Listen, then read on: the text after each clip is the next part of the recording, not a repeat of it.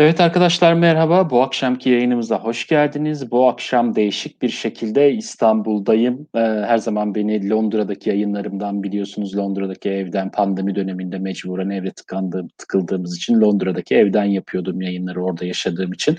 Ama e, bu sefer değişiklik oldu. İstanbul'a geldim. İstanbul'da şu anda bulunmaktayım. Bu yayını da buradan bulun yapmaktayım. E, ve İstanbul'da e, konuğum da Zafer Demirkol. Kendisi yapay zeka eğitmeni eğitmeni ve yapay zeka konusunda uzman bir kişi. Bu konuda yazdığı, e, yayınladığı birçok makale var, videolar çekmekte, bu konuda bizleri bilgilendirmekte.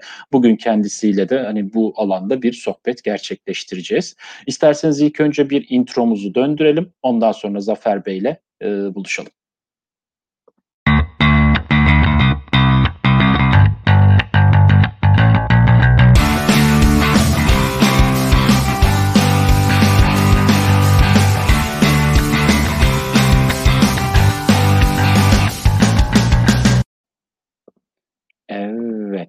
Şimdi Zafer Bey'i de yayına alalım. Hoş geldiniz Zafer Bey. Hoş bulduk. Herkese iyi akşamlar. İyi akşamlar. Nasılsınız görüşmeyeli?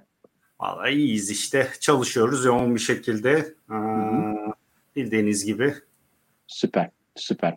Ee, isterseniz ben genelde şöyle yapıyorum. Her zaman ilk önce şu, şu soruyu soruyorum katılım herkese. Bize kendinizi tanıtır mısınız diyorum.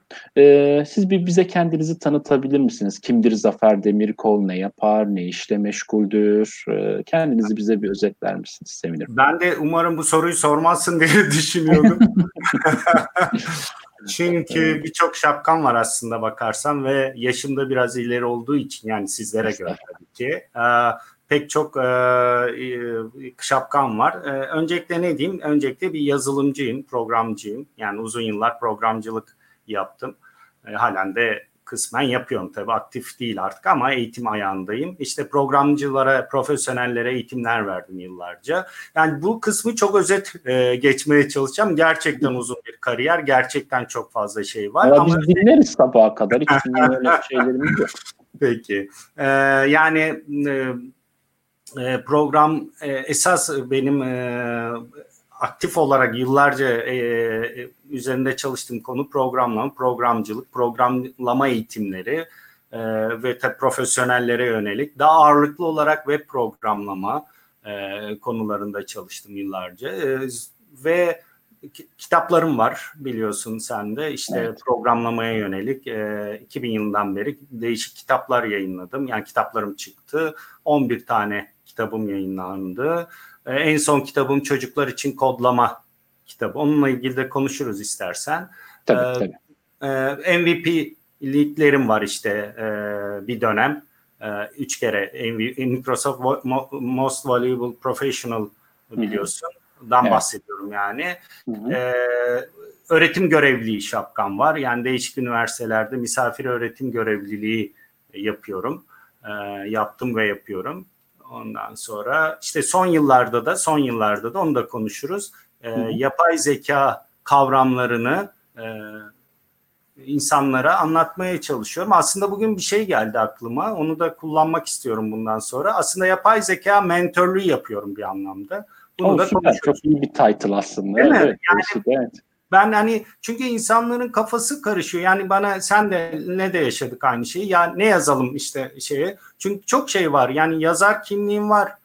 Programcı kimliğim var. Yazılımcı yani kimliğim var. Öğretim görevliliği kimliğim var. Yani hepsi kafa karıştırıyor. Ya hangisisin sen bunu? Ya hepsiyim aslında yani baktığınız. yani yapay zeka e, konusunda mentor yani araştırmalar yapıyorum, yazılar yazıyorum, makaleler e, yayınlıyorum. E, dolayısıyla hani tek bir şeyi de özetlemek çok zor ama herhalde mentorluk çok e, iyi bir tabir olacak orada. Ben öyle düşünüyorum. Onun için hani bugün hatta bu aklıma geldi. Ya bir tek title bulayım kendi. Aslında ben title'ları falan da çok sevmem. Yani böyle e, hiç hayatım boyunca title'a yani hani Türkçesi tam Türkçesinde bulamıyorum aslında etiket mi diyelim ona? Etiket değil de işte yani e, ne denir title'ın Türkçesi evet ben. Ünvan mı? Ünvan, ünvan evet ünvan kelimesi. Yani ünvan falan pek yani pek ünvanlara e, takılan birisi de değilim aslında. Yani ama yani bir insanlarda tabii yani ne yapıyorsun dediğinde tek kelimelik hani bu hani ya posterin altına bir şey yazacağız. Ne yazalım? İşte te, tek, işte mentorluk iyi aslında aslında yapay zeka mentorluğu ve AI mentorluğu gerçekten oturdu galiba. Bugün onu keşfettim. Hı hı. Onu diyebiliriz. Yani son 6-7 e, yıldır da onun üzerinde biraz çalışıyorum. Hani zaten bir background yani nasıl bir background'um olabilir onu konuşuruz. Ee, yani yapay zeka üzerine onu da konuşuruz. Evet, onu, onu, ee, dolayısıyla bütün bunları topla. Tabii profesyonel mesela genel müdürlük kariyerim var. Yani bir profesyonel şirket yönetmişliğim de var. 30 yaşında genel müdürdüm ben. Hı hı. Ee, şirkette. Ee, yani pek çok e, şapkan var aslında. Yöneticilik, yazılımcılık vesaire. Bunların toplamı Zafer Demirkol aslında. Evet, evet süper. Yani bu aslında çok iyi. Yani ben de bir sürü şapkayı bir arada taşıyabilen bir insan olduğum için ya da taşımak zorunda kaldığım için evet. sizi çok iyi anlıyorum. Yani evet. title bulma konusu gerçekten biraz sıkıntılı. Yani her işi yaparız abi modunda ya, böyle ha, şey yapıyoruz. Yani öyle bir tehlikeye de yani şimdi şimdi algı burada iki türlü olabilir. Yani hı hı. E, ya her işi yaparız abi algısı oluşabilir karşıda ya da bu adam hakikaten yani şimdi meraklı insanlarda bu tür çok fazla şapka olur ve Kesinlikle. olmalı da bence. Yani çünkü her şapka aslında beynin belirli bir bölgesini çalıştırıyor ve hepsi birbirini destekliyor bakarsan. Doğru. Bu e, nasıl derler ayran gönüllülük değil ya aslına bakarsan. Ben tam aksine e, yani e, yaptığım konularda e, derinlemesine giderim hep. Yani ne yapıyorsam mesela web programlaması bu çok köküne kadar giderim. Yani çok temellerini öğrenirim mesela. Hı-hı. Ve o öğrenerek bu bir süreçtir. Hiçbir zaman bitmez elbette ama Tabii. yani en temelinden tarihini bile öğrenmeye çalışırım. Dolayısıyla hani bıkmam aslında. Ama onu öğrenirken ya mesela işte başka bir şey çıkıyor. Atıyorum cloud çıkıyor mesela. Ya burada neler olup bitiyor ama ilgimi çekiyorsa ki bunlar aslında birbiriyle de birazdan konuşuruz. Hı hı. aslında benim kariyerimdeki şeyler, e, profesyonel kariyerimdeki şeyler aslında hep birbirinin üstüne konmuş şeyler. Tabii Baktım, tabii tabii mutlaka yani. Yani bir ayran gönüllülük değil. Aslında bir gelişim var ortada. Dolayısıyla hani öyle de algılanmaması lazım. E, fakat tek bir yani insanlar da bir cevap bekliyor. Yani tek bir yani mühendis mühendisim diyorum mesela bazen. Çok yani soruyor mesleğinize mühendis tamam herkes rahatlıyor mesela. Yok, ee, tamam. tamam diyor ama Beni yani... de herkes mühendis sanıyor da ben de mühendis değilim işin ilginç yanı. Ben de ha, tamamen mi? işletme, MBA, fintech falan yapay zeka okumuş biriyim yani. Doktora şeyinde var öyle yani hiç e, mühendislik de şeyim de olmadı benim de ama kod yazdığım için herkes de bilgisayar mühendisi olduğumu düşünüyor yani. Öyle de Hayır, ya da neyse yani mesela iktisatçıyım, ekonomistim, doktorum.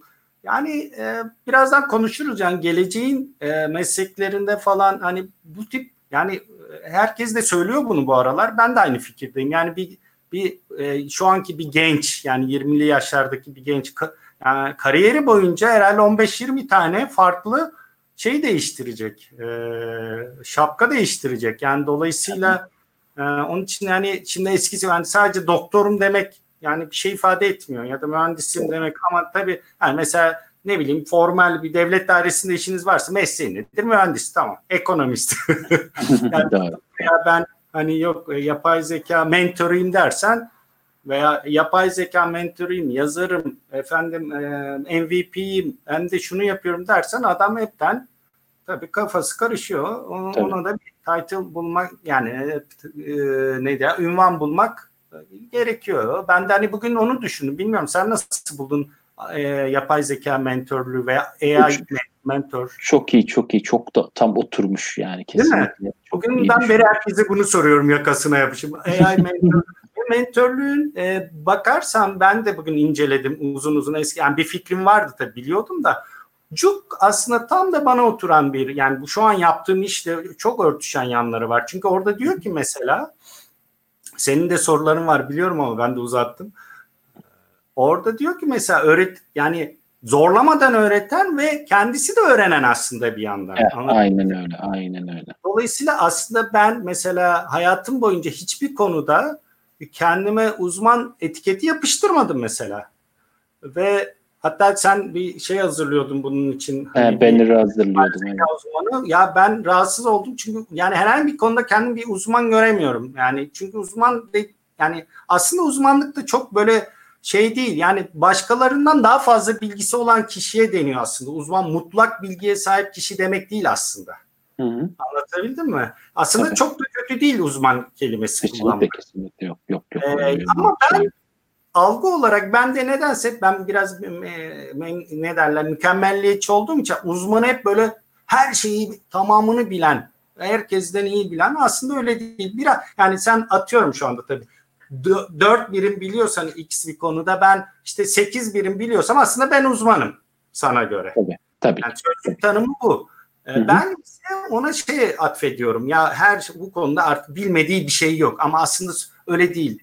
Hani biliyor sen de çok iyi bilirsin ki e, öğrendikçe ne kadar çok fazla şey bilmediğimizi görüyoruz aslında. Tabii ki. Tabii ki. Tabii. Öğrenmek Yani- Evet, çok uz- uzun bir süreç aynen öyle. Çok uzun bir e, süreç olduğu için de bu şekilde söyleyebilirim. Evet, diğer konularımızdan devam edebilirsek. Bugüne kadar ondan fazla kitap yazdınız ve e, Evet. ilk yazdığınız kitabın oluşma evrelerini şimdi değerlendirirsiniz. O günlere nasıl bakıyorsunuz o zamanlara? Yani çok mu alelacele oldu ya da çok mu e, üzerinde düşündünüz? Çok mükemmeliyetçi yapınızdan dolayı çok mu uzun sürdü yazmak? Yani neler yaşadınız? O ilk kitap ve sonrasındakiler daha rahat mı oldu? Onu aslında çok merak ediyorum ben. Ee, yok yani şöyle ben e, ilk kitabımı yazdığım dönemde Avustralya'dan yeni gelmiştim. Avustralya'da yaşıyordum yani bir yıldır. Ee, sonra orada ASP, e, Active Server Pages Microsoft'un sen de bilirsin bir teknolojisi, web teknolojisi yeni çıkmıştı da. Ee, ve orada çok fazla kitapçılarda bu konuyla ilgili kitap vardı. Yani internet o zaman bu kadar tabii yaygın değildi ve kaynaklar internette bu kadar en azından firmaların kaynağı yoktu. Ee, içerik hemen hemen yok denecek kadar azdı. Ee, dolayısıyla yine o dönemlerde 2000'li yıllardan bahsediyorum. Ee, biz kitaplardan öğreniyorduk çok şeyi. Tabii. Ee, ben de Avustralya'daydım o dönem. Yani yeni gelmiştim daha doğrusu ee, ilk kitabımı yazmaya başladığım dönemde. Ee, oradaki geldiğim zaman da ASP ile ilgili bir yani bir kitapçıya girdiğinizde ASP ile ilgili herhalde bir o dönem bir 8-10 tane kitap bulabiliyordunuz e, kitapçıda. Fakat ben Türkiye'de baktım acaba kim yazmış bu kitabı diye. Yani Türkiye'de kimler yazmış veya ne var bu kitap bununla ilgili kitap diye. E, hiç kitap yoktu. Evet. Halbuki o zaman da çok popüler bir konuydu bu ya da yeni popülerleşiyordu en azından. Yani web programlama özellikle ASP çok yükselişe geçen bir dildi. E, Ben hayatım boyunca hep şöyle yaptım. E, Yani e, yoksa o zaman sen üret içeriği. Yani benim felsefem bu. E, kitap yoksa o zaman sen yaz yani. yani şikayet edeceğini. Yani şikayet etmek bir çözüm değil. E, çözüm üretmek lazım. Ben de tabii ne yaptım? E, Amazon'dan o zaman e, sipariş verilebiliyordu. Bir sürü kitap Hı hı. sipariş ettim.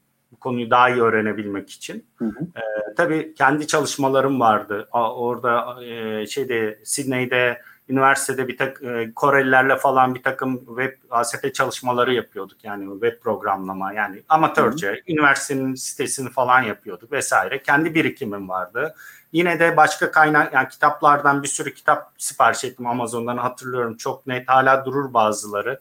Yani herhalde 5-10 tane kitap sipariş ettim. Sadece ASP ile ilgili. Onlar geldi. Onlara çok, yani bir sene falan sürdü benim e, kitap yazmam. Onun editasyon, mizampajı falan zaten bir üç ay sürüyor. E, yani bir küsür yıl sonra e, aslında kitap çıktı, oluştu. E, bir sürü kaynak ve tecrübeden. Dolayısıyla titiz çalıştım ve ondan sonra kitaplarda da aynı titizlik devam etti. Yani ben 2-3 ayda kitap yazabilen teknik kitaptan bahsediyorum. Bir adam değilim yani. E, çok Hı hı. uzun sürüyor benim yazdığım kitapların yazımı. En, aş- en aşağısı yani 9 ay. E, en- aşağı yani en son yazdığım kitap mesela çocuklar için kodlama kitabı 9 ay falan çalıştım üzerinde. Hı hı. E, çok araştırma yapıyorum çünkü çok fazla kaynağa bakıyorum. E, o, o, o esas zamanı alan o yani.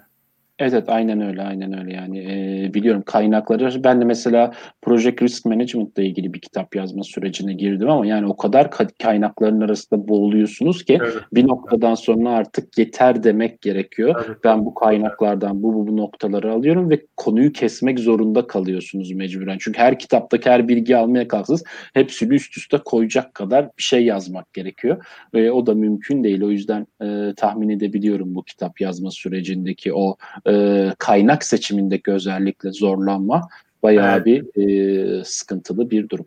Evet. Aynen öyle. Ee, onları yaşıyorum ben de. Halen de yani Hı-hı. her kitabımda aşağı yukarı şey yaptım yani bu sıkıntıyı yaşadım.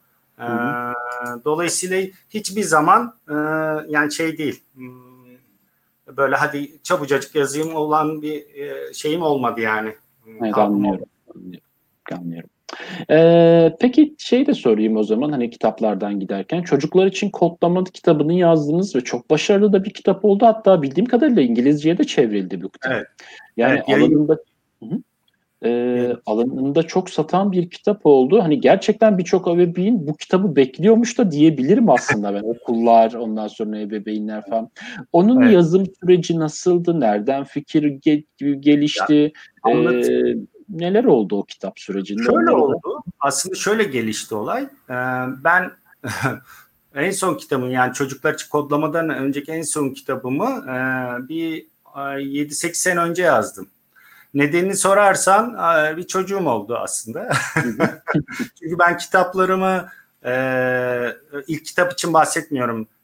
Diğerlerinin çoğunu yani boş zamanlarımda yani akşam işte profesyonel zamanımdan artık akşamları, Hı-hı. hafta sonları, e, ne bileyim e, böyle bayramlarda, seyranlarda ama günde en aşağı 3 saat falan ayırarak, 3-4 saat ayırarak yazıyordum. Onun için hani e, emek, çok fazla emek var.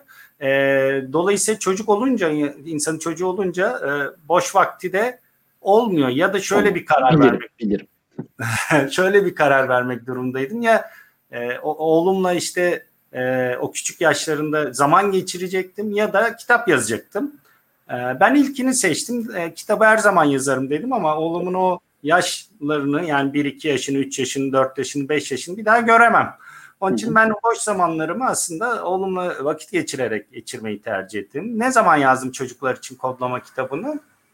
E, işte oğlum 7 yaşına falan geldiği zamanlarda 7-8'di galiba yanlış hatırlamıyorsam tabii 4 sene olmuş 8 yaşındayken hı hı. E, ve nasıl oldu? Şöyle oldu aslında o, o dönemlerde Amerika'da e, yeni yeni başlayan bir akım vardı özellikle Obama hükümetinin desteklediği ve diğer özel firmaları da yanına alarak Facebook gibi Microsoft gibi işte bunların hem kurumsal kimliklerini yani kurumsal yardımlarını hem de sahiplerinin işte Bill Gates, Steve Ballmer gibi sahiplerinin veya ortaklarının maddi desteklerini alarak e, bir organizasyon oluşturmuşlardı. E, Çok hatırlıyorum onu. Code.org'tu galiba. Code.org, evet. evet. Ve halen de devam ediyor aslında. Ama tabii o çıktı dönemdeki kadar hani e, işte şimdiki hükümet o kadar desteklemiyor.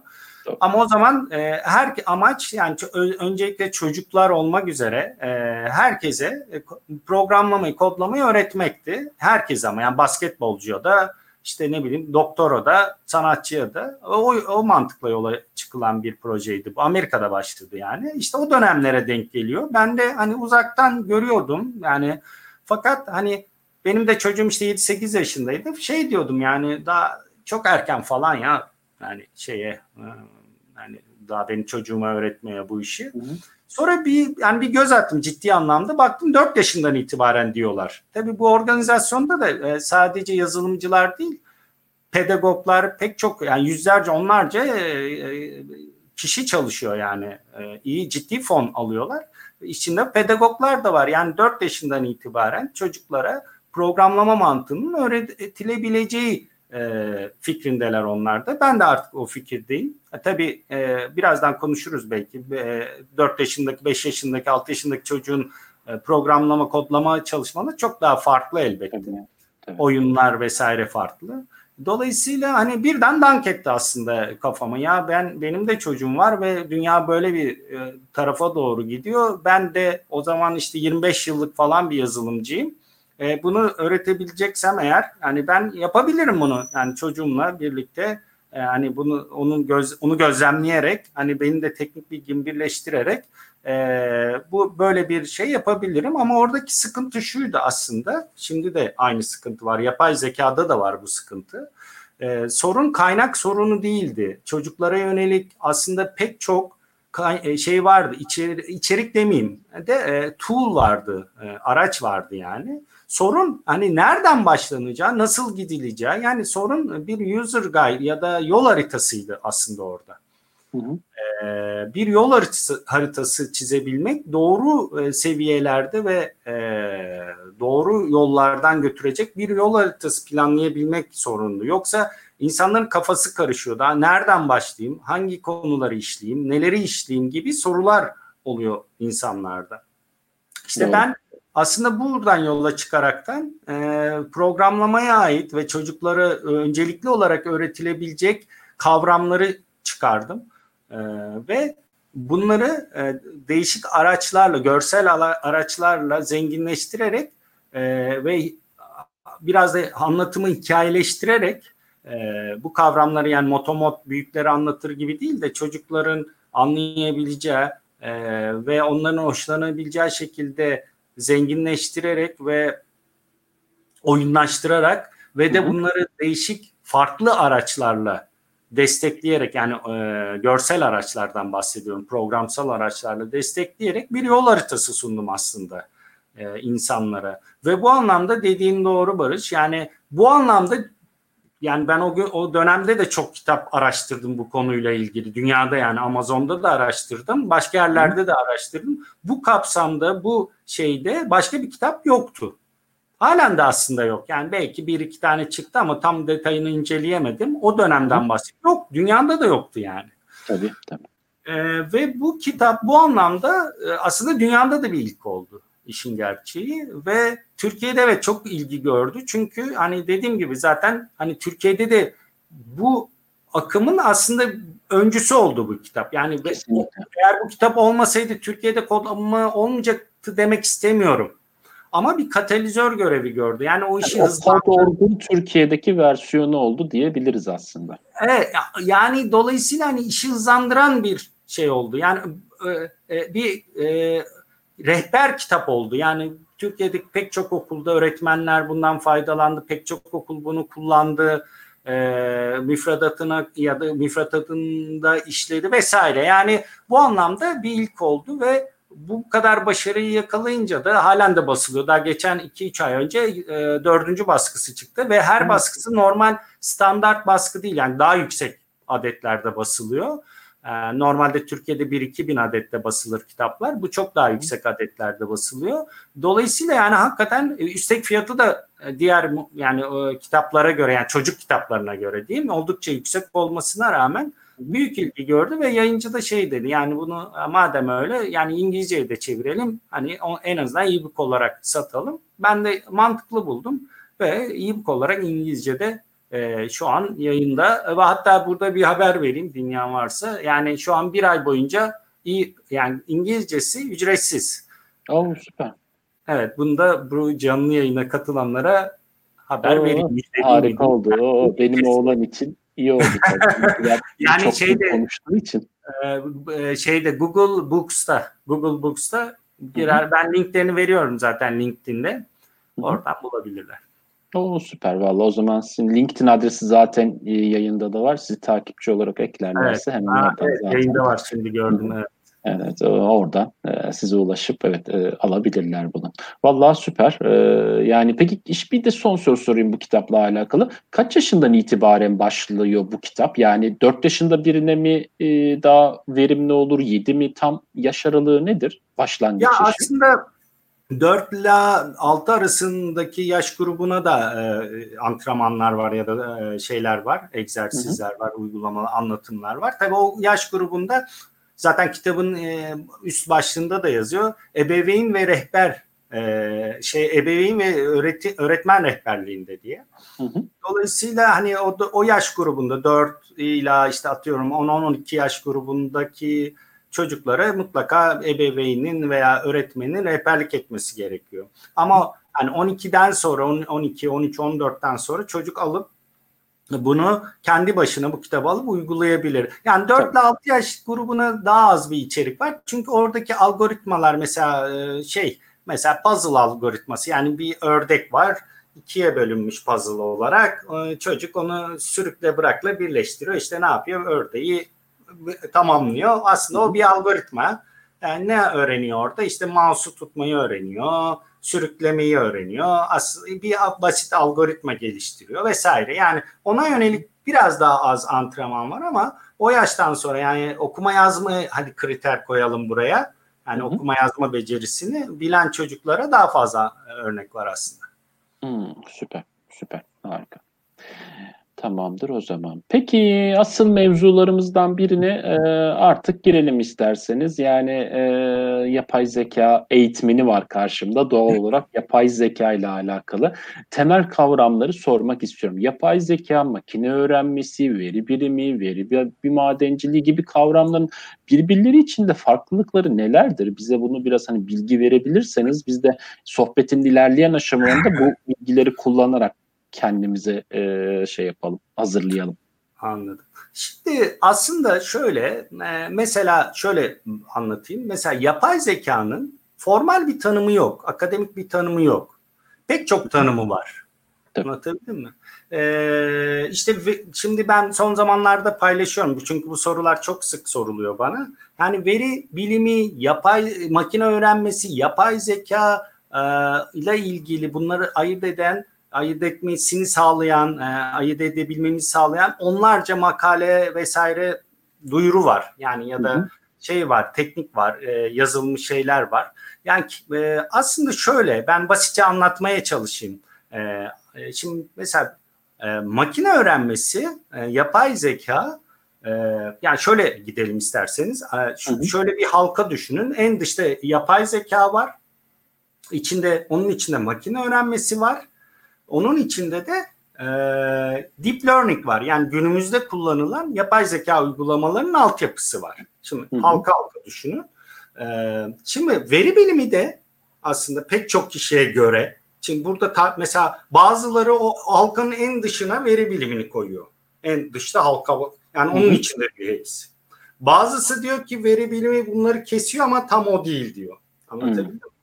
Şimdi bu konu yani bu konularda yani tam bir görüş birliği aslında yok. Yani tam tanımlanmış şeyler yok aslında.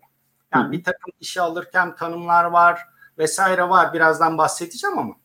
Ee, yani mutabık kalınmış ya veri bilimin bla bla bla net şöyle şöyle şöyle şöyle şeyler yapar. Makine öğrenmesi şöyle şöyle şöyle şeyler yapar.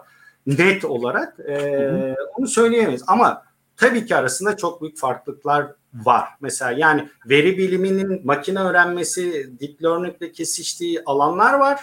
Hı hı. Ama alakasız olduğu şeyler de var. Mesela şöyle gidecek olursak e, mesela bir veri bilim yani yani ben çok basit anlatmaya çalışacağım. Akademik anla, e, akademik dile kaçmamaya çalışacağım. Aslında hı. basitleştirmek uğruna bir takım detaylardan da taviz vereceğim. Lütfen onu e, mazur görsünler dinleyiciler. Yani bunu basitleştirmek adına yapıyorum. Yoksa takım alt detayları var. Yani sıkmayayım diye insanları onlara girmek istemiyorum. Yani şöyle düşünebilirsiniz. E, çok kabaca söyleyeceğim. Veri biliminde insanlar verileri topluyorlar e, ve onları değişik araçlarla yorumluyorlar, görselleştiriyorlar. E, ne bileyim bir anlam çıkartmaya çalışıyor. Bunu yapan kim? İnsan. Hı hı. Ee, mesela makine öğrenmesinde ise olay şöyle e, makine öğrenmesinde ise adı üzerinde makinayı verilerden öğrenmeye verilerden patern çıkartmaya yönelik modellemeler geliştirmeye yönelik çalışmalar yapıyorsunuz. Tabii. Yani aslında makine orada sizin verdiğiniz verilerden ve sizin sunduğunuz algoritmaların sonucu olarak geliştirdiği modellerden öğrenmeye başlıyor. Evet. Ve sonuçları makine çıkartıyor aslında. Yani evet. yerinde insan faktörü var. Yani size verileri topluyorsunuz, yorumluyorsunuz, görselleştiriyorsunuz. O görsellerden bir sonuç çıkartıyorsunuz. Yani bir sanat gibi. Anlatabildim mi? İşin içinde hı hı. merkezinde sonucu çıkaran bir insan Ama makine öğrenimi şeyinde ise öğrenen bir yapıdan bahsediyoruz. Evet, evet. Bir algoritmaya dayalı bir model oluşturup patern çıkarıp öğrenen bir yapıdan bahsediyoruz. Yani bir otomasyondan bahsediyoruz. Kabaca söylüyorum bunları. Demin, demin de söylediğim gibi e, detaylara girip de e, hani e, detaylara girmediğim için bazı şeyleri genelleştiriyorum farkındayım tabii. ama kolay anlaşılabilsin diye bunu yapıyorum. He, ikisinin de beceri setleri biraz farklı birbirinden. Yani mesela veri bilimci işte istatistik bilmeli, veri madenciliği temiz veri temizliğini yapabilmeli. Yani veri temizleyebilme, görüntüleyebilmeli, hı hı. E, yapılandırılmamış veri yönetim tekniklerini vesaireyi yapabilmeli.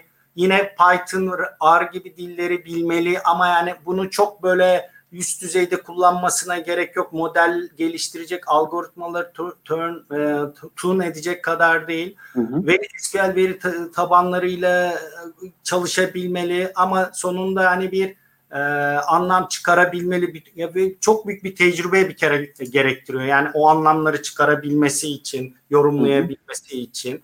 Ama mesela makine öğrenmesi, yani makine öğrenim mühendisliğinin biraz daha farklı bir beceri setine ihtiyacı var. İşte bilgisayar bilimi temellerini bilmesi lazım. Yani mesela biraz daha donanımdan, e, programlamanın konularından biraz daha üst seviyede anlayabilmesi gerekiyor.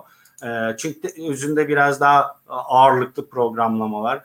İstatistiksel modellemeler konusunda bilgi sahibi olması lazım. Diğerinin aksine sadece istatistik değil e, veri değerlendirme ve özellikle model oluşturma. Yani e, o işte öğrenmeyi sağlayan modelleri oluşturabilecek yapıları iyi, algoritmaları e, özellikle iyi bilmeli ve o algoritmaların dayandığı temelleri iyi yapabilmeli ve sonunda işte makineye öğretebilecek modellemeleri geliştirebilecek programcılık bilgisine ve uygulama geliştirebilecek e, algoritma da sahip olması. Ve matematik donanımına sahip olmalı. Ve de işte daha ağırlıklı olarak adı üzerinde hani uygulama geliştirme ve en özünde de kafaları karıştırmayalım. En özünde de makine veri bilinden farklı makine öğrenmesi dediğimiz gibi makinenin kendi başına veriden öğrenmesine dayanıyor. Aynen öyle. Aynen öyle. Peki süper süper. Bu tanımları sizden almamız harika oldu. Şimdi sohbetin diğer aşamalarında hani bunları birazcık daha hani e, yerli yerine e, oturtmuş oluruz. Ama o zaman çok ederim. yani ben bununla ilgili yani o kadar detay var ki demin de söyledim. E, LinkedIn'de önüme çıktıkça bu makaleler paylaşıyorum insanların e, yani çok akademik makaleler de var çok özet makale yani veri bilimci kimdir makine öğrenim mühendisi kimdir vesaire gibi bir pek çok uzmanın halen üzerinde pek çok hani iki uzmanın tanımları bambaşka olabiliyor mesela. Pek tabii, yani tabii. yine birçok konuda uzlaşıyorlar ama e, farklılaştı çok konu da olabiliyor. Onun için hani bu konuda öyle çok büyük bir kesin bıçak gibi şeyler yok aslında. Peki o zaman ben şunu sorayım bu şeylerden yola çıkarak. Ben mesela yapay zeka konusuna gönül verdim ve yapay zeka konusunda bir şeyler yapmak istiyorum ama e, geldim sallıyorum işte e, artık 40 yaşıma dayandım ve bu saatten sonra matematiği yeniden öğrenemem varsayalım ki. E bu durumda hani bir şey yapamaz mıyız yapay zeka ile alakalı? İlla matematik bilmek şart. Böyle hazır bir takım şeyler yok mu? Bu, bunu yapabileceğim, yapay zeka ile alakalı bir şeyler geliştirebileceğim. Neler var elimizin altında? Var mı daha doğrusu? Varsa nelerdir? Şimdi e, yapay zeka kariyeriyle ilgili ben olayı üç maddeye indirgiyorum.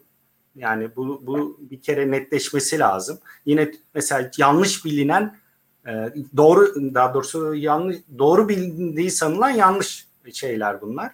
E, e, şeyler. Nedir o? Seminerlerimde de anlatıyorum mesela. Sıkça vurgulamaya çalışıyorum. Demin de dedim ya yapay zeka kavramlarını insanlara mümkün olduğu kadar anlatmaya çalışıyorum. Şimdi yapay zeka ile kariyer anlamındaki ilişkimiz üç türlü olabilir.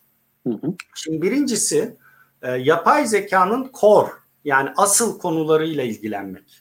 Yani nedir bunlar? Demin de söylediğim gibi işte algoritmaları, model oluşturmak, modeli tune etmek, işte test etmek, algoritmaların matematiksel modellerindeki parametreleriyle oynamak, yeni parametreler, yeni algoritma demiyorum çünkü yeni bir algoritma gerçekten Ee, yani devri yani çok üst düzey bir şey ama olmaz değil. Yani hı hı. ne bileyim convolutional network'te yeni bir mimari geliştirebilirsiniz mesela. Ee, bu buna bir engel yok. Ee, işte onda yeni bir mimari geliştirmek. Yani bütün bu çalışmalar yani birinci madde diyelim bunu ya da birinci ilişkiniz bu yap kariyeri yani gençler de soruyor çünkü onun için bu soruya geniş bir cevap vermek istiyorum. Yani nasıl bir kariyer geliştirebilirim? Şimdi bütün bu çalışmalar yapay zeka core çalışmaları aslında. Yani yapay zekanın kendisine yönelik, model oluşturmaya yönelik, e, işte demin söylediğim kavramlarına yönelik çalışmalar. Şimdi burada çalışılabilir. Şimdi senin soruna da aslında matematik bilmek gerekiyor mu? Bu kapsamda birazdan cevap vereceğim. Hı, tamamdır. E, şimdi ikinci ilişkimiz şöyle olabilir. E, kariyer anlamında, yani profesyonel anlamda. Yapay zeka modellerine dayalı uygulamalar geliştirmek. Hı hı. Yani bu ne demek? Hazır bir mesela yüz tanıyan bir modelleme var. Bir mesela atıyorum Amazon'un veya Azure'un bir servisinde, Azure'un yapay zeka servisinde yüz tanıyan, tanımı yapabilen e, bir yapay zeka modeli var. Siz bunun üzerine bir uygulama geliştireceksiniz. Bu uygulama ne olabilir? Mobil uygulama olabilir. Hı hı. Web uygulaması olabilir veya desktop uygulama olabilir değil mi? Ee, şimdi burada ki bilgi ve becerinizin şeyi birinci maddedekinden bambaşka. Yani orada REST servislerle çalışmayı bilmelisiniz. Web programlamayı bilmelisiniz. Eğer web uygulama geliştiriyorsanız işte e, React, React neyse hepsi bunların farkındaysan hepsi birer uzmanlık dalı yani. Hepsi Tabii bu API'ları çağıracak bir bilgi birikimi olmak hem olacak, hem yani tasarım olacak hem program webten aynı şey mobil için de geçerli. Android bilmen gerekiyor. Eğer Android programlama geliştireceksen e, iOS bilmen gerekiyor. Apple yani şey iPhone vesaire geliştireceksen her ikisini bak iOS ve Android'i yapabilen adam bile çok az. Yani düşün her biri kendi içinde uzmanlık şeyi. Tabii. Yazılımcısı bile her ikisini aynı anda uzman bir şekilde yapabilecek adam yani yazılımcı sayısı bile çok az. Hatta çok belki de olmamalı. Yani her biri birisi Android'de uzmanlaşmalı, biri iOS'ta. Dolayısıyla buradaki yetkinlik setli farklı ikinci maddedeki. Yani yapay zeka modellerine dayalı uygulama geliştirmek. Bu farklı bir şey. Yine yapay zeka ile çalışıyorsunuz ama evet. değil mi? Onun servisini kullanıyorsun. Yani uygulama geliştiriyorsun. Aynen öyle. E, bu ikinci madde. Şimdi burada senin zaten yapay zeka model yani ilkindeki veri e, yetkinlik ve becerilerle ilgili bilgin olmasına gerek yok. İkincisinin birincisiyle ilgili bilgisi olmasına gerek yok. Birincisinin de ikincisiyle ilgili bilgisi olmasına gerek yok. Olamaz da zaten. Yani böyle profesyonel. Çünkü yani demin dedim ya Android ve iOS bile bambaşka uzmanlık alanları. Tabii. Dolayısıyla hani birisinin birinci maddenin ikinci maddeye üstünlüğü yok, ikinci maddenin de birinci maddeye üstünlüğü yok. Bu sadece bir tercih meselesi. Kariyerinizde neyi tercih edeceğinizle ilgili bir şey. Hı hı. Veya neye meraklı olduğunuzla ilgili. Şimdi bu üçüncü seçenekte profesyonel yani mesela yapay zeka uygulamalarını kullanmak. Yani burada ne birinci maddeyi bilirsiniz ne ikinci maddeyi bilirsiniz. Yani doktorsunuzdur, işte hukukçusunuzdur ama yani yapay zeka uygulamalarını kullanırsınız. Hı hı. Görüntü tanıma vesaire. Ve iyi kullanabilirsiniz. Yani biraz yani bilginiz varsa o konuda daha iyi kullanırsınız. Ama 1 ile 2 ile ilgili beceri setine sahip olmanız gerekmiyor bunun için. Şimdi dolayısıyla şimdi doğru açıdan bakmak lazım olaya. Ee, şimdi eğer birinci maddede çalışacaksanız evet matematik bilmelisiniz. Ha ne kadar bilmelisiniz ama. Şimdi Oscar şey Nobel alacak kadar değil. Tabii Şimdi, ki. Yani ama matematikte iyi olmalısınız. Ama ne ya kadar, evet o türev determinantlı tabii, ve tabii. Yani ne kadar iyisiniz o kadar yeni bir mimari geliştirme şansınız var. Tabii. Programlamada iyi olmanız gerekiyor. Ne kadar iyiyseniz o kadar iyi bir framework oluşturup belki bir işi sorunu modellemeyi daha farklı yapabilme şansınız var. Doğru. Veri biliminde iyi olmak zorundasınız. Burada ne kadar iyiyseniz işte o veriyle olan ilişkinizi çok daha iyi yönetebilirsiniz. Şimdi hepsinde iyi olunabilir mi? Olunabilir. Çok yetenekliyseniz, çok tecrübeliyseniz. Birisinde olup diğerlerini kompanze edebilir, olabilir.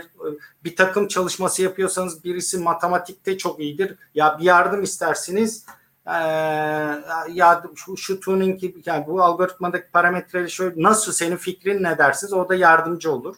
Ama hepten matematikten bir alaka olursanız olmaz. Yani anlatabildim mi? Yani türev ve zincir kuralını uygulayamıyorsanız, başka bir algoritmayı geliştiremiyorsanız olmaz. Dolayısıyla birinci madde için evet matematik bilmeniz gerekiyor ama tekrar ediyorum Nobel'le ödülü kazanacak kadar değil.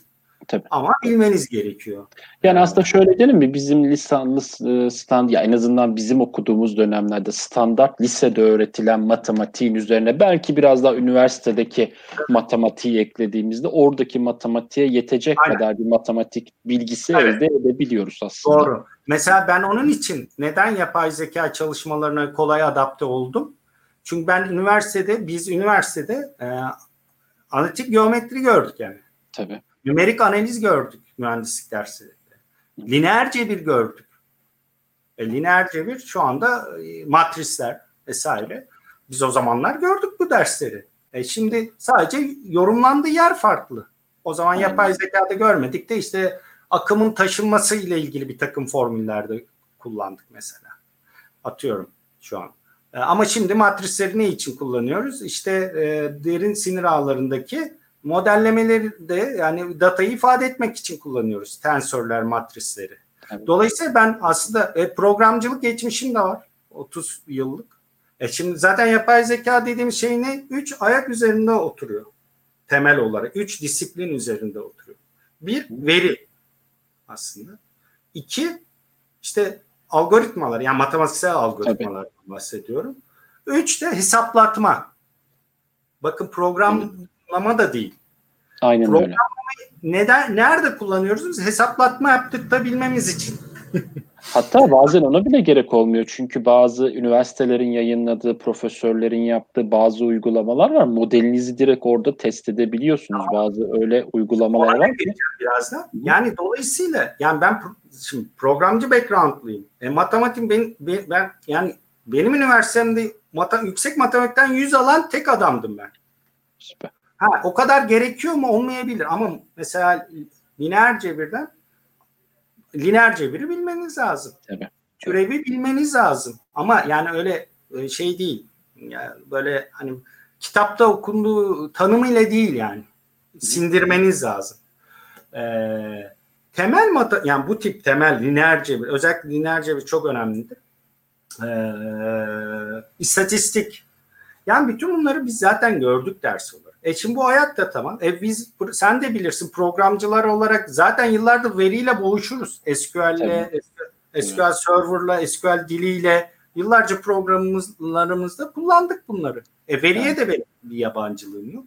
Dolayısıyla aslında yapay zeka çalışmalarını adapt yani ben sen 50 yıldır or orayı orayla çalışıyormuş gibi hissettim ilk 5-6 yıl önce bu işe girdim. Hiç yabancılık çekmedim yani. Aslında şey ben de tam aklımdan geçiriyordum. Özhan Bey de tam şu anda yazmış. E, data science alanında bu ne işe yarayacak dediğimiz tüm matematik konuları hani okulda deriz ya hocam ileride bu bizim ne işimize yarayacak diye. Aslında mesela, o bütün matematik konuları aynen. Ya, e, şunu biliyor musun? Bilmiyorum yani türev. Şimdi hep sorardık ya.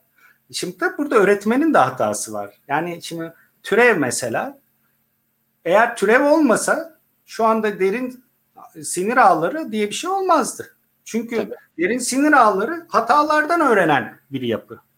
Hataları nasıl ölçüyoruz? E, çıktığıyla gerçek değer arasındaki farkın karesini alıyoruz. Şimdi kare demek bir üstü sayı demek yani iki, ikinci dereceden üstü sayı demek bir eğri demek. Aynen öyle. Ve eğri kas, yani eğri olması güzel çünkü biz hatanın minimum noktasını e, e, eğimin en az olduğu yerde olduğunu söylüyoruz. Eğimin en az olduğu yeri de neyle hesaplıyoruz? Türev. Türevle. Şimdi ve sadece türev basit türevle dediği zincir kuralı dediğimiz bir türev. Yani ama öğretmen şöyle anlatsa ya soruyorlar ya hocam bu türev bu tamam eğrinin eğriyi gösteriyor bize bu.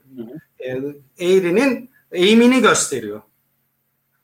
E, ne işe yarayacak ki bu? E, sadece derin ağlarda değil, istatistikte de böyle. Yani bir şeyin doyma noktasına geldiğini sıfır e, eğip sıfıra yaklaştığında anlıyoruz. Artık ondan sonrasına gerek yok diyoruz. Tabii. O eğimin sıfıra ne kadar yaklaştığını nasıl anlıyoruz? Türevle anlıyoruz. Evet. Anlatabildim mi? E, eğime gittikçe eğimi gittikçe sıfıra yaklaşıyorsa ve hatta neredeyse sıfırsa diyoruz ki artık bu öğrenmiştir. Aynen. Aynen. Sistem öğrenmiştir. Oradan hesaplıyoruz. Bu olmasaydı böyle de, şahane bir matematik e, formülü olmasaydı ya da şeyi olmasaydı algoritması türev gibi e, hiçbir şey olmayacaktı. Hesaplatma şu anda derin ağlar olmayacaktı yani. Aynen öyle. Aslında ben bu noktada şunu da söylemek istiyorum. Yani e, şöyle bir şey bugün işin açıkçası ben de bir tane sunum yaptım. Ee, Barcelona'da bir tane event vardı. Normal şartlar altında ben bugün Barcelona'da olup bu evente katılacaktım ama işte bu pandemi nedeniyle e, iptal oldu. Orada konuşmacıydım ben. Bu o, eventi online yaptık. Ben de online olarak katıldım bu evente. Orada yaptığım sunum şuydu. AI in Dynamics. Yani ben Microsoft Dynamics konusunda uzman olduğum için doğal olarak e, Dynamics içerisindeki yapay zeka algoritmalarını ve e, yapay zeka çözümlerini anlattım aslında. Üç tane yapay zeka çözümü geliştirdi Microsoft Dynamics içerisinde. Bunlardan bir tanesi zaten bizim bildiğimiz standart derin öğrenme konularıyla alakalı ve modellerle alakalı Microsoft'un Azure içerisine yerleştirdiği derin öğrenme algoritmaları ve onları isterseniz tabii ki Python olur, başka dillerde olur, R olur, Scala olur neyse onlarla geliştirebiliyorsunuz. E, bu ayrı bir konu. Ve bunun haricinde eğer buna bunları yapacak bilginiz yoksa buradan aldığınız bir ya onda hazır olanlardan aldığınız veriyle e, müşterinizin mesela çarn analizini nasıl yapabileceğinize, müşterinizin e, aldığı ürünün hangi ürünleri hangi segmentlerde alabileceği, müşterilerin hangi markalara, segment içerisindeki hangi markalara bağımlı olduğunu, bunun gibi ve gelecekte hangi ürünlere ya da markalara bağımlı olarak gidebileceğini araştırdığımız bir takım e, yapılar var. Ve bu yapılar hazır bir şekilde sunuluyor. Aslında bizim burada tek yaptığımız bu ürün içerisinde mevcutta gelen e, dataların ha nerelerden geldiğini bulup bunları unify etmek sistem içerisinde tekilleştirmek daha sonra da bu sistemin altyapısına vermek ve çıktıyı almak. Ondan sonra sizin dediğiniz noktaya geliyor aslında. Biz iki noktada burada aslında data science ya da AI geliştirme bilmeden aslında AI gel alakalı iş yapar hale geliyoruz. Birincisi bu verileri unify edip onun istediği formatta oraya verirken bir kere biz bir iş yapıyoruz ama yapay zeka bilmesek de olur. O zaten hazır bir şekilde yapılmış konmuş oraya. Ya da bunun çıktısını alıp bunun çıktısını alıp kendi uygulamalarımızda mobil olur, web olur bunları gösterirken de yapay zekayı dokunuyoruz. Yani e, sizin dediğiniz iki noktada aslında bizim dünyamızda şu anda pratikte şu anda hemen kullanabileceğiniz karşılıkları olan şeyler. O yüzden yapay zeka değil de şu anda biraz herkes korkuyor. Yani bir korku var insanlarda. Yapay zeka ben yapabilir miyim, bilebilir miyim, nasıl olacak, nasıl ben bu işin içerisine gireceğim diye birazcık matematik bilmiyorum bilmiyorum falan gibi. Yani sizin model geliştirmeyeceksiniz. Hazırdaki modelleri kullanarak yapabileceğiniz bir sürü bir sürü alan var diye ben de aslında bu konuyu toparlamak istiyorum. Yani ben, öyle çok derin matematik bilmeye de gerek yok ilerlemek için, başlamak için. Şimdi şu, şu, şu güzel bir noktaya geldik. Şu güzel bir noktaya geldik. Ee, bunu açalım biraz daha. Olur. Ee, şimdi şöyle ben araç kullan yani e, bir takım e, şeyler için araç kullanmaya karşı değilim. Yani hazır tool'ları kullanmaya karşı değilim. Yapay zekada da var. Sürükle bırakla işte Azure'un mesela machine learning şeyleri var. E, servisleri sürükle bırakla yapıyoruz. Hiç karşı değilim. Aksine savunurum da. Yani e, çünkü işleri pratikleştirir. Herkes şey yapmak zorunda değildir. Bütün bunları bilmek zorunda değildir. Fakat şunu e, özellikle altını çizelim. Şimdi araçlar kullanılabilir. Ama e, yani şöyle bir örnek vereyim size. Şimdi siz eğer e, arabanız varsa ve bunu sadece hani işinize gitmek için kullanıyorsanız tamam mı? E, hı hı. Motordan vesaireden anlamak zorunda değilsiniz. Tabii. Tabii. Yani en fazla genel kültür olarak biliyorsanız biliyorsunuzdur ama arızalandığı zaman o sorunu çözmek veya e, ona müdahale etmek durumunda değilsinizdir. Tabii. Tabii. Ama mesela bir e, profesyonelce yapıyorsanız sürücülük işini, taksici olabilirsiniz, servis şoförü olabilirsiniz. Bir motor bilginizin temel düzeyde olması lazım. Tabii. Yani ilk müdahaleyi en azından yapabilecek kadar anlatabildim mi? Bir motor bilginizin olması lazım. Çünkü bu işi profesyonel yapıyorsunuz. Yani bir amatör sürücü gibi bilmemezlik şeyine ha bir yetkili servis ustası kadar da bilgili olmak zorunda değilsiniz. Zaten o zaman hani ne bileyim ben de anlamam ya motordan işte bilmem ne kayış koptu mu buji mi şey oldu en azından onu bilmeniz lazım. Belki ufak bir müdahaleyle çözeceksiniz o işi. Dolayısıyla şimdi bu da aslında biraz buna benziyor. Araçlara karşı değilim. Ee, ama eğer o birinci maddedeki kadar yani birinci maddedeki bir pozisyona soyunacaksanız Hı hı. araçlarla bu iş yürümez. O ancak hani bu mesela ne olabilir? Hakikaten bir veri bilimci bunu kullanabilir. Ee, şey olarak yani bu araçları kullanır. Nihayetinde bakın makine öğrenmesi de olsa son kararı insan verir. Ben size söyleyeyim. Tabii doğru. Bir sonuç üretir. Hatalı da olabilir. Çünkü orada tecrübe çok önemli. Neden hatalı olabilir? Ne, olabilir mi böyle? Olabilir. Pek çok sebepten makine öğrenmesi de hata. Yanlış öğrenebilir. Tabii. Veri setiniz yanlış olabilir. Ne bileyim algoritmanızdaki bir ayar yanlış olabilir. Acayip bir sonuç çıkarabilir. Onun kararını insan veriyor şu anda aslında. Evet. Dolayısıyla hani bir veri bilimi çalışması için de makine öğrenimini kullanacaksanız eğer evet o araçları kullanıp bir takım sonuçlar çıkarabilecek bilirsiniz. Ve o kadar da matematiğe vesaire dalmanız gerekmez. Ama ben ne diyorum? Mesela makine öğrenimi mühendisliğine soyunuyorsanız yani siz en temelden bir model oluşturmaya onun matematiksel şeylerini e, geliştirmeye adaysanız e, o zaman araçlarla bu iş yürümez. Yani o Tabii. araçları geliştiren insanlar makine öğrenim mühendisleri aslında. Tabii ki tabii ki tabii. Onlar tabii. olmasa o da gelişmeyecek ya da uzman programcılar anlatabildim mi? Onları Tabii. destekleyen. Ama Dolayısıyla bir, bir yerden başlamak da lazım sonuç Yani- itibariyle. Şimdi bu, bunu da ayırmak lazım aslında orada. Yani e, burada uzmanlık alanı yine veri bilimi olan insanlar da o araçları kullanıp bir takım sonuçları e, işinde kullanabilir. Yine orada araç kullanıyor. Burada evet matematik vesaire algoritmalarla uğraşması gerekmiyor. Hı hı. Ama makine e, öğrenim mühendisliği zaten bu araçları falan geliştiren insanlar bir anlamda. Tabii salto değil yani programcılar da var işin içinde vesaire vesaire. Onun için programcılık becerileri ve matematik becerileri üst düzeyde olmalı e, demek istiyorum. Evet, evet evet kesinlikle kesinlikle. Aynen öyle. Peki o zaman bu durumda şu soruyu da sorayım size. Ee, bu alanda ilerlemek isteyen gençler e, hangi eğitimlere yönelsinler? Daha doğrusu yani tam matematik bilmeli. Okey bunu cebe koyduk. Bunun haricinde ya aslında verme al, a- duymak istediğim ya da öğrenmek istediğim nokta şu. Ülkemizdeki üniversitelerde ya da ne bileyim başka kurumlarda yeterli derecede bu eğitimi alabiliyor muyuz? Yoksa biz tamamen yalnız mıyız? Tek başımıza mıyız? Kendimizi öğrendik, öğrendik, e, öğrenemedik, kaldı noktasında mıyız? Hani ülkemizdeki durum nedir bunu öğrenmek adına? Valla şimdi e, sadece ülkemizde değil dünyada bu konuda e, ciddi bir sıkıntı var. Yani Hı hı. çünkü tekno- bu teknoloji son 10 yılda çok hızlı gelişti. O Evet. kadar hızlı gelişti ki buna hiçbir ülke eğitim kurumu, kurumsal örgün eğitim kurumları vesaire özgün eğitim ne derseniz deyin hiçbiri yetişemiyor. Çünkü Tabii. artık yani yani son 10 yıl belki de son 6-7 yıldır çok ivmeli. Hatta Moore yasasını geçen bir şekilde geçen gün bir yazı okudum. Moore yasasından da hızlı ilerliyor. Dolayısıyla aslında herkes şaşkın. Evet. İtiraf etmek lazım.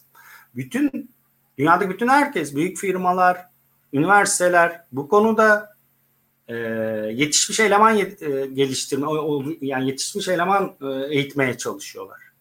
Herkes kulaktan kulağa birbirine bir şeyler soruyor.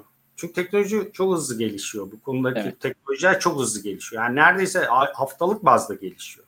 Yani biz eskiden bir konuda kitap yazardık. Teknik bir konuda yani. Hı hı. Şimdi bu konularda kitap yazacak vakit yok yani. Aynen Yani- öyle. Aynen öyle. Hele benim yazma hızımla çok biter herhalde bir senede yazarsan. Dolayısıyla yani e, bütün dünyada şu anda bir arayış var. Yani bir kendini bulma hali var. Üniversiteler kendilerini sorguluyorlar. Modellerini sorguluyorlar. Pek çok bilinen üniversite eğitimlerini online yaptı, açık yaptı herkese. Amaç işte bütün bu bilginin hızlıca yayılması, yani bir, e, e, bu becerilerin edinilmesi. Yani bu konuda uzmanım diyebilmek çok zor. Yani tabii var yani her yani mesela yazılımda çok iyi insanlar var.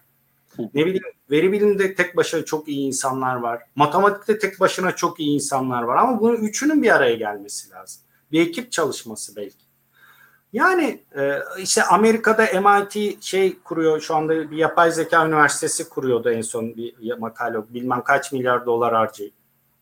Yani hızlıca üniversiteler, örgün eğitim kurumları bu yapay zekanın dönüştürücü e, sektörleri dönüştürücü alanlarına yetişebilmek için bir takım eğitim tedbirleri alıyorlar. Yetişmiş elemana çok ihtiyaç var. Ha, evet.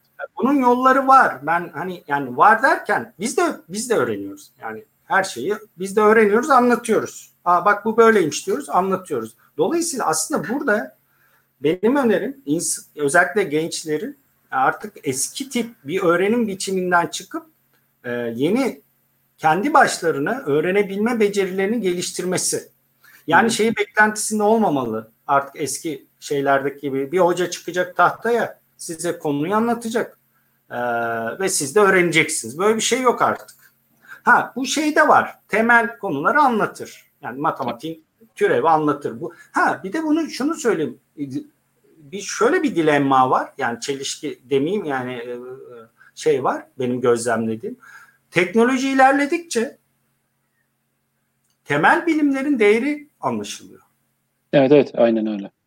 Benim gözlemlerim. Dolayısıyla evet hocalar şunu anlatacak. Örgün eğitim, klasik eğitimdeki hocalar evet türev anlatacak. Türev zincir kuralını anlatacak. Matematik temel kurum, programlamanın temel yapı. Bu kadar ama. Bunları iyi öğrenmeleri gerekiyor ama. Bu en önemlisi. Yani siz temeli iyi atarsanız işte biraz önce konuştuk. Yani türevi iyi anlarsanız o zaman derin, derin ağları çözebilirsiniz. Anlamazsanız çözemezsiniz. Bir araçla falan bir tool'la çözülecek bir iş değil. O zaman zanaatkar olursunuz. Sanatçı değil. Eğer bu konuda sanatçı olmak istiyorsanız yani makine öğrenim mühendisi olmak istiyorsanız e, türevi çok iyi bileceksin. Veya lineer cebiri çok iyi bileceksin. Matrisleri, tensörleri çok iyi bileceksin. Eee temelleri çok iyi. Yani örgün eğitimler bunu anlatabilir size. Aa, buna da ihtiyaç var ama. Yani bunu anlatacak insanlara da ihtiyaç var. Ama nasıl anlatacak insanlara ihtiyaç var? E, türevi motomot değil. O türevi anlatırken işte demin örneklediğim şekilde. Ya bu türev işte bu işe yarıyor. Derin ağlardaki şu e, sizin error bu, e, hatayı bulmanıza yarar. Hikayesini uçtan evet. uca bu hikayeyi oluşturabilecek eğitmenlere, öğretmenlere ihtiyaç ya da mentorlara ihtiyaç var. Anlatabildim kesinlikle, mi? Kesinlikle. Yani e, temel kavramları günümüz teknolojileriyle e, e, bundle'layıp e, ne derler bağdaştırıp birleştirip. birleştirip anlatabilecek. O zaman çocuğun ilgisini çekiyor. Hikayeleştirebilecek, basitleştirebilecek, e, esprileştirilebilecek kadar hakim olacak eğitmenlere ihtiyaç var. Yoksa illaki son teknolojide motomot anlatacak değil. Onu onu öğrencinin kendisi takip etmeli. Tabii. O beceriye Aynen. sahip olabilir. Onun için ben mesela dört tane temel beceri sıralarım hep. Bir analitik düşünme becerisi, bir e, e, yaratıcı düşünme becerisi, öğrenmeyi öğrenmek ya da öğren, öğrenebil, kendi başına öğrenebilme becerisi, bir de birlikte çalışma becerisi. Şimdi bu evet. becerilere odaklanmak lazım. Bu yani bütün dünya için geçerli. Bu sadece ülkemiz için değil. Yani ha, yani bütün dünyadaki sancı şu an her yer bizim ülkemizde de var yani. Anladım anladım. Ya doğal olarak o zaman şöyle cevap şey toparlayalım bu e, şeyi. E, ülkemizde de olsun, yurt dışında da olsun şu anda bu konuları öğrenmek birazcık sancılı bir süreç. Önemli olan bulabildiğiniz kaynaklardan, bulabil, alabildiğiniz eğitimleri almaya çalışabilelim. Ama önemli olan nokta dönüyor, dolaşıyor gene kendimizi eğitebilmek konusuna geliyor. Zaten hani e, at, kimin sözüydü tam şu anda hatırlayamadım. Birisinin bir sözü vardı. Bu yüzyılın cahilleri okuma yazma bilmeyenler değil, öğrenmeyi öğrenemeyen olacak, öğrenemeyenler olacaktır diye. Harika. Kimin harika olduğunu unuttum şu anda. Güzel ee, Evet yani bu söz inanılmaz bir söz. Tam da bugünümüzü çok güzel bir şekilde tarif ediyor. Bizler aslında baktığınızda yazılımcılar olarak birazcık bunu çok iyi bilen bir kitleyiz. Yani diğer evet. sektörlerle, diğer e, kişilerle karşılaştığımızda yazılımcılık demek aslında yüzde 50'sinde neredeyse kendi başına öğrenmek demek. Kendi Doğru. başına olmadan öğrenemeyeceğiniz bir şey. O yüzden çok aşina olduğumuz bir durum. Bizlerin hani bunu birazcık daha ileri götürüp e, daha da farklı alanlarda bu bilgimizi, becerimizi e, evet Asuman Hanım yazmış Toffler demiş sanıyorum evet. E, evet. Geldi yayına şimdi. bu şekilde şey yapıyor. Yani ilerletmemiz gerekiyor bunları. Bu arada zaten Emre Bey'in bir sorusu vardı ama bunu da cevapladık sanıyorum. Machine Learning mühendisliği ile Data Science arasındaki hani e, ne büyük farklar var hocam. Yani bunu bayağı detaylı bir konuda detaylı bir şekilde konuştuğumuzu düşünüyorum. E, Tuğrul Bey'in size selamı var bu arada. Tuğrul Bey bilmiyorum hatırlar mısınız? Şu anda İngiltere'de kendisi. Biz de görüşüyoruz bayağı. Ben de tanırım kendisini. Ee, sizinle de uzun yıllar çalışmış. Evet, Geçen gün konuşmuştuk. Ee, bu şekilde. Bir de bakalım sorularımızdan neler var. Peki siz hani daha bir sürü sorun var ama aslında şunu da şey yapmak istiyorum. Geleceğin meslekleri sizce hangi meslekler olur? Yani nereye gider bu iş? Ee, yani çünkü bundan yıllar önce biliyorsunuz ki en basit bir örneği veririm. Ee, telefonları birbirine bağlayan böyle hani soketleri takarak telef bir arardınız. Birinin şu numaraya bağlı derdiniz. Soketi alırdı. Oradan öbürüne takardı. Böyle insanlar vardı ve teknoloji gelişince bu meslek ortadan kayboldu. Zaman içerisinde otonom araçların çıkmasıyla şoförlük mesleğinin de ortadan kalkacağını görmekteyiz. Ee, önümüzde bugünler yakın 10-15 yıllık belki bir süreç var bununla alakalı. Sizce bunun gibi böyle gelecekte evrilecek olan meslekler var mı? Özellikle yapay zeka ya da bu tarz alanları baz alırsak? Valla bütün meslekler evrilecek. Yani hepsi. Yani, yani yapay zekanın dönüştürücü e, şimdi yapay zeka teknolojisinin şöyle bir özelliği var. Bir kere yani bu bir teknoloji değil, tekno, e, disiplinler ve teknolojiler bütünü aslında. Dolayısıyla onların bileşim demin bahsetmiştim. onların bileşiminden oluşuyor. O alt disiplinlerinden oluşuyor. Bir sürü alt başlıkları var yani. E, ve diğer teknolojilerden farklı olarak sadece kendi e, ne diyelim e, etki alanını, kendi ekosistemini değil, e, dünyadaki var olan bütün e, teknolojileri ve meslek ne derseniz deyin de, dönüştürücü bir gücü var. Yani bundan etkilenmeyecek e, herhangi bir alan, herhangi bir meslek ve teknoloji vesaire kalmayacak. Diğer evet. teknolojilerden farklı olarak böyle bir yapısı var. Ve de tarihte ilk defa yani bir insanoğlunun da deneyimleyemediği bir şey bu. Öğrenen makinalarla e, bu derecede öğrenebilen makinalarla muhatabız.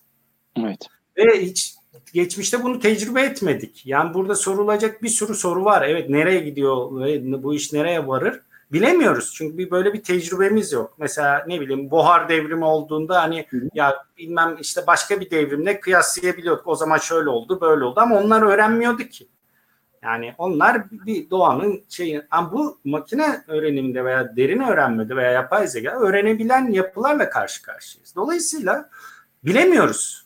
Yani aslında ben bu noktada tam bir örnek verebilir miyim? Hani izleyicilerin evet. daha iyi anlayabilmesi için.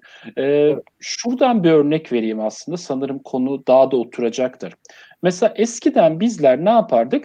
Bir film izlemek istediğimiz zaman giderdik filmi alırdık ya video kasetini ya da CD'sini alır takardık izlerdik ve en fazla bilgimiz birikimimiz bizim kendi o anki oluşmuş olan zevklerimize göre önümüze sunulan seçeneklerden bir tanesini seçmek olurdu e, o alacağımız yerden. Şu anda mesela Netflix algoritması ya da bunun gibi diğer e, firmaların algoritmaları bize ne izlememiz gerektiğini push ediyorlar. İtiyorlar Ama bize. şaşırmıyor muyuz?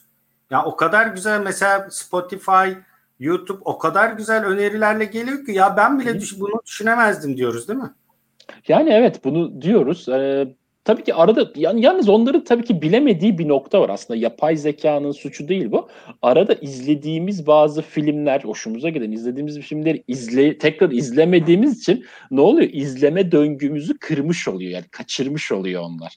Yani mesela 10 tane film var ama bir tane filmi sürekli gösteriyor. Ben onu izlemiyorum Netflix'te. Neden? Çünkü onu zaten başka platformda başka bir şekilde izledim. Ne oluyor? İzleme döngüm kırılıyor orada falan. Bazen o yüzden hani yanlış e, seçimleri olmasına rağmen çok başarılı bir şekilde evet bunu yapabiliyorlar. Bunun haricinde hani birazcık daha ileri götüreyim konuyu. Hatta hangi film türünün, hangi müzik türünün bunların hangilerini insanların sevdiğine bakarak e, bir sonraki yapılacak olan müziğin içeriğinin ya da bir sonraki e, çekilecek olan filmin konusunun ne olması gerektiğine karar veriyorlar yapay zeka algoritmalarıyla. Yani Doğru. biz bu kitleyi Kuzey Amerika, biz bunu Kuzey Amerika'da yayınlayacağız. Kuzey Amerika'daki kitlede işte daha çok şu türde filmleri seviyor. Doğru. O zaman içine şöyle aksiyon şu kadar olmalı, bilmem ne kadar olmalı diye yapay zekadan çıktı alıyorlar aslında baktığınızda onların kararlarıyla yola çıkıyorlar. Ee, konuyu aslında yani sizden topu aldım. Nasıl topu aldım? Siz dediniz ki yapay zekanın ilgili e, etkilemeyeceği hiçbir dal yok. Sanata müziği kadar etkilemiş durumda şu anda. Evet. Ve topu pası tekrar size bırakmak istiyorum tam bu noktada. Şimdi şöyle evet. yani ben hani gelecekle ilgili ben şu kanaat yani orada e, Alan Turing'i biliyordur çoğu kişi evet. siz de biliyorsunuz. Yani ben Manchester'da zaman. onun oturduğu e, şeyde sand ne derler ona bankta onun heykelinin yanında oturup fotoğraf çekildim. Ha, ne yaşadığı için kendisi evet oradan. Ben de çok sevdiğim bir iş yani zaten yani e, çok kendine özel birisidir. Evet, Dolayısıyla yani zaten bir modern bilgisayar biliminin babası kabul ediliyor. Babasıdır kesinlikle. Evet. E, şimdi e, onun en çok sevdiğim laflarından biri var. E, bir tanesi şudur. E, e, biz insanoğlu yani çok uzağa göremeyiz. E, fakat görebildiğimiz uzaklıkta yapacağımız çok iş var. Şimdi ben şimdi baktığım zaman insanoğlunun e, en fazla 10 yıl uzağa görebileceğini e, e görüyorum. Yani bunu geçmişe bakarak görüyorsunuz. Yani bakın geçmişe doğru gidin. Hep ona en fazla 10 yıllık bir şeyi bilebilmiş. Çünkü zaten büyük biliyorsunuz büyük firmalarda en fazla 10 yıllık planlar yaparlar. Biraz da onun da etkisi var. Ee, uzun vadeli bir bunun birkaç sebebi var. Yani 10 yıl sonra hakikaten mesela neredeyse yani jenerasyon demeyeyim ama çok şey değişiyor. Anlatabildim evet. mi? Evet. E, dolayısıyla 10 yıldan sonraki şeyler konusunda konuşmak hakikaten farazi benim görüşüme göre. Hı hı. Artık o senaryo işine giriyor yani. Anlatabildim mi? Yani o da benim işim değil aslında. Ama şimdi 10 yıla kadarki meslekleri de işte değişik kitaplar var, değişik şeyler sıralıyorlar. Bu girsinler arkadaşlar, baksınlar. Yani 10 yıla kadar ama. Ya da bilemedin 11-12 yıl yani en fazla. Ondan sonrası için konuşmak gerçekten yanıltıcı. Kesinlikle. Çünkü bakın 11-12 e, yıl öncesine bambaşka şeyler konuşuyormuşuz biz. Dolayısıyla 10-11 yıla kadar ki meslekler aşağı yukarı değişik şeyler de var. Çağrı işte drone e, pilotlu vesaire vesaire otonom sürüş bilmem nesi. Olabilir 10 yıl içinde bunlar olabilir. Ee, ama e, ondan sonrasını bilemiyorum. Ben burada da mesleklerden ziyade e, benim görüşüm e, insanların yetkinlik ve becerilerini geliştirmesi gerekiyor bence. Yani demin de konuştuk ilk başta. Yani bir genç şu an bir genci belki 15-20 iş değiştirecek. Farklı sektörde çalışacak belki. Kariyeri boyunca. Bizim zamanımızdaki gibi 3 4 5 değil belki. Belki daha fazla. Tabii. Dolayısıyla burada demin saydım işte dört tane önemli madde var yetkinlik ve becerilerimizi geliştirmekle ilgili. İşte analitik düşünebilme becerisi, e, yaratıcı düşünebilme. Mesela bu çok önemli. Bir demin işte sanattan bahsettik. Aslında sanat yani e, yapay zekanın geliştirdiği sanat aslında tırnak içinde insansı bir sanatla yaratıcılıkla aynı şey mi? Bunu bir tartışmak lazım. Evet çarpıcı, enteresan şeyler üretiyorlar ve beğeniyoruz da. Fakat yaratıcılığın tanımına bir geri dönmek lazım. Dolayısıyla insansı yaratıcılık diyorum. Yani insana ait yaratıcılık değerli olacak. Çünkü aslında yapay zekanın yaratıcılığı mevcut verilere dayalı. Evet. Halbuki yaratıcılık bambaşka bir şey üretmeyi de içinde barındıran bir şey bence. Dolayısıyla yaratıcılık gelecekte çok değerli bir şey olacak. E, beceri olacak. Kesinlikle. Analitik düşünebilme her zaman değerliydi, daha da değerli olacak. Efendim e, işte öğrenebilme becerisi mesela demin konuştuk işte. E, işte 15. yılda hangi meslek gelecekse siz zaten öğrenebilme becerisindeyseniz onu yapabilecek beceriye erişeceksiniz zaten. Anlatabildim mi? Ee, ve birlikte çalışabilme. Ama bu bu şöyle değil yani. yani ben Ahmet Mehmet'i seviyorum hadi gel birlikte çalışalım. Ee, değil. Dünyanın farklı bölgelerinde belirli bir metodolojiye dayanarak mesela en iyi örnek GitHub'ı verebilirim. Hı hı. Ee, veya cloud çalış şu an yaptığımız şey mesela. Bulut bilişim. Bulutla birlikte çalışabilmek. Ee, bu tip e, metodoloji ve araçlarla, altyapılarla birlikte çalışabilme kabiliyeti. Şimdi bütün bu dört becerinizi geliştirirseniz eğer gelecekte hangi meslek olursa olsun 15-20 yıl sonra zaten siz ona hazırsınız. Sadece oradaki sorun onu öğrenmek, işte demin söylediğim kavramlarla yetkinliğinizi geliştirmek. Ee, bilemiyoruz 11-12 sene sonra neler olacak. Bilemez ya kimse bilemez. Yani biliyorum diyen de yanıltır. Ben o kadar söyleyeyim. Yani. Doğru. Doğru. Kesinlikle Peki ya bu bulut bilişim demişken aklıma geldi. Ben mesela Londra'dan İstanbul'a gelirken şu anda laptop falan da almadım. Bir tek tablet aldım. Burada geldim. Burada bir tane laptop var İstanbul'da. Onu açtım. Ve e, sadece ilgili alanlara kullanacaklı şifrelerimi ve ilgili bilgileri yazarak e, giriş yaptım ve bütün e, çalışma ortamım hazırdı. Yani bulut bilişim bu kadar basit yani. Ve e, bulut bilişim ilk önce bulut bilişim girdi hayatımıza teknolojik anlamda bizi konum ve makine cihaz bağımsız bir kere çalıştırabilir hale geldi. Şimdi de yapay zekanın kendisi bu şekilde geliştirilebilir bir hale gelmiş oldu. Yani bizler artık tamamen yapay zekada kullandığımız birçok sunucunun makinenin de nerede durduğunu da bilmiyoruz zaten. Yani biliyorsunuz Google'ın serverları, Microsoft'un serverları bir yerlerde duruyor bunlar ve biz onları kullanıyoruz. Hatta ben bir kere hiç unutmam bir kere derginin birinde şey yayınlanmıştı. Microsoft bir tane denizaltı gibi bir şey ürettirmiş. Yani ne kadar diyeyim bir oda büyüklüğünde bir alet. Bütün serverları bunun içine koymuş. Denizin altına gömüyorlardı bunu. Neden? Çünkü denizin altında soğutmakla alakalı bir sorun olmadığı için soğuğu oradan e, soğutma sisteminden ucuza getiriyorlardı. Yani e, o server şu anda belki sizin machine learning yaptığınız makine denizin altında bile duruyor olabilir yani. Yani çok önemli bir konuya değindin. Mesela ben yıllar önce bunu hayal ediyordum ve biraz hayatıma geçirmeye çalışıyordum. Hayalim şuydu. Herhangi bir bilgisayara, cihaza, laptopa vesaire tablete bağlı kalmadan her şeyimi cloud'da tutayım. O zaman cloud terimi kullanılmıyordu tabii. İnternette tabii. tutayım. E, gittim X bir yerde orada çalışmaya devam edeyim. Şimdi o zamanlar için bu mümkün değildi. Ama demin verdiğin örnekte olduğu gibi ben de mesela şu an bir laptopum var ben gideyim X bir yere mesela Amerika'ya gideyim bir internet kafeye oturayım. Bütün şu anki çalışma setup'ımı hemen dakikalar içinde tesis edebilirim. Aynen. Dolayısıyla Aynen. ben şu anki cihazından bağımsızım. Aynen öyle. Yani Aynen. bunlar araç. Bunu yıllar önce ben aslında hayal ediyordum. Kısmen yapabiliyordum. Bu teknoloji o kadar gelişmiyor. Şu an artık gerçekleşti. Zaten bundan bahsediyorum. Yani e, biz herhangi bir cihaza vesaire bağlı değiliz. Cloud üzerinde zaten uygulama ya bir de şöyle bir şey var. İnsanlar cloud'u sanki veri saklama alanı olarak düşünüyorlar. Evet. Yanlış bir şey var. Sanki bir o zaten internet web döneminde de vardı. Cloud aslında bambaşka bir şey. Uygulama geliştirme alanı aslında. Evet. Demin de senin verdiğin örnek gibi yani yapay zeka vesaire veri bilimi. Bütün bu uygulamaları biz cloud üzerinden ben çoğu Colab'da yapıyorum mesela. Colab. Google. Yani yine editörüm internet üzerinde mesela. Browser'dan yapıyorum. Yani e, dolayısıyla e, cloud demek depolama alanı değil aslında. Hatta ben şunu diyorum. Öğretmenlere de öneriyorum. Diyorum ki ortaokul ve liselerde kağıdı yaz, printer'ı, fotokopiyi yasaklasınlar. Çocuk cloud üzerinden çalışabilme yetisini kazansın.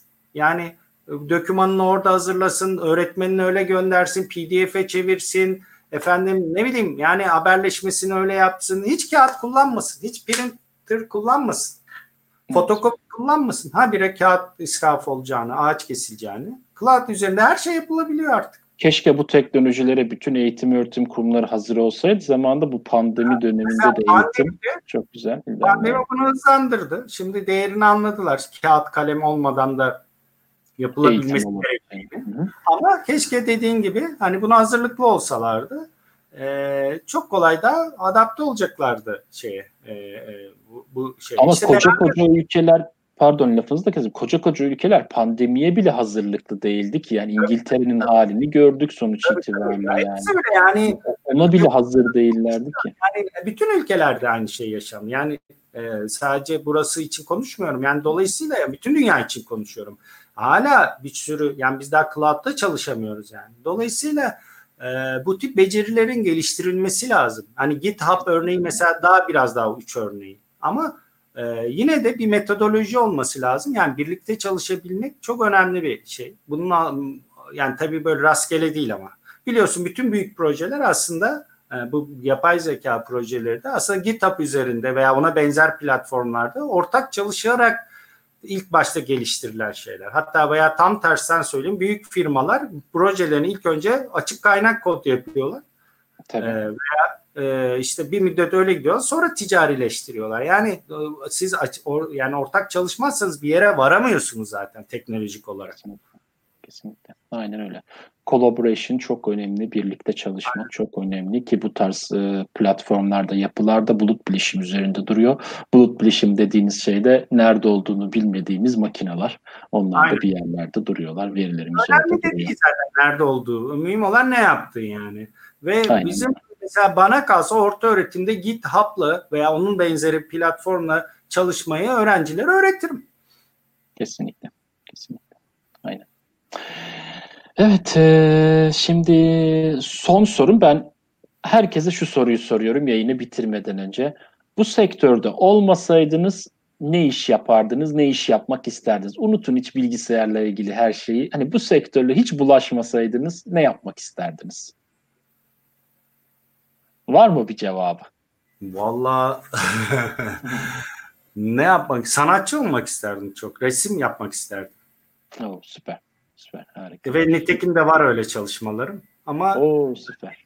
Ee, yani amatörce tabii. Yani e, yani hayatta yani benim mesela ben şöyle hani son soru madem mesela herhangi x bir zengine herhangi bir x şey asla özenmedim yani bir çok para kazanayım şu, şu kadar dünya zengin olayım vesaire ama sanatçılara çok özendim yani Çok- e, yani sanatçıları çok takdir ediyorum ve çok özeniyorum onlara yani gerçek sanatçılardan bahsediyorum çok takdir ettiğim bir şeydir keşke gerçek bir sanatçı olabilseydim yani o, o anlamda ona çok özenirdim yani. Ee, Evet. Ama mesela çok zengin olayım, dünyanın en zengin adamı veya sayılı zengin hiç öyle bir şeyim olmadı mesela. Ama sanatçılara çok özendim. O gerçek sanatçıların kıymeti de yaşarken olmasa bile en azından öldükten Evet, sonra bir onlar şekilde ortaya çıkıyor yani. Çoğu yaşarken maalesef vermiş sonradan Evet. şey olmuş. İşte böyle bir de çelişki var ama önemli değil. Sanatçı olmak çok çok kıymetli bir şey. Tamamdır. Ee, peki o zaman ben herkese teşekkür etmek istiyorum. Size de teşekkür etmek istiyorum Zafer Bey bu yayına katıldınız. Ee, hatta çok güzel yorumlar var, konuşmalar var arka tarafta ee, bu yayınla alakalı. Ben göremiyorum Evet, Süleyman Bey, e, özellikle ben çok teşekkür ederim size yayına katıldığınız için, dinlediğiniz için. Ya bu yazdığınız yorum benim için gerçekten çok kıymetli. Yani bırakın herkesi bir kişiye bile faydalı olabiliyorsak bu yayınlarla, bir kişinin bile hayatını değiştirebiliyorsak, onunla fayda sağlayabiliyorsak e, ne mutlu bize. E, bizler Yani böyle. zaten öğretmenlik, öğretmenlik de öyle bir şeydir. Yani siz bütün sınıfı değiştiremezsiniz. Hı hı. Ee, veya bütün e, size gelen o ta- öğretmenlik boyunca ama onların içinde bir kişiyi bile e, hayatını etkilerseniz yani olumlu yönde tabii Hı e, zaten amacınıza erişiyorsunuz mutlu oluyorsunuz yani. Evet, evet. Aynen öyle. Peki o zaman Zafer Bey size çok teşekkür ediyorum. Yayına da geldiğiniz için, konuğumuz olduğunuz için de bugün arkadaşlar sizlere de çok teşekkür ediyorum bu yayını dinlediğiniz için. Hepiniz sağlıcakla kalın. Gelecek hafta büyük ihtimalle Londra'da olacağım ben. Londra'dan görüşmek üzere. Hoşçakalın.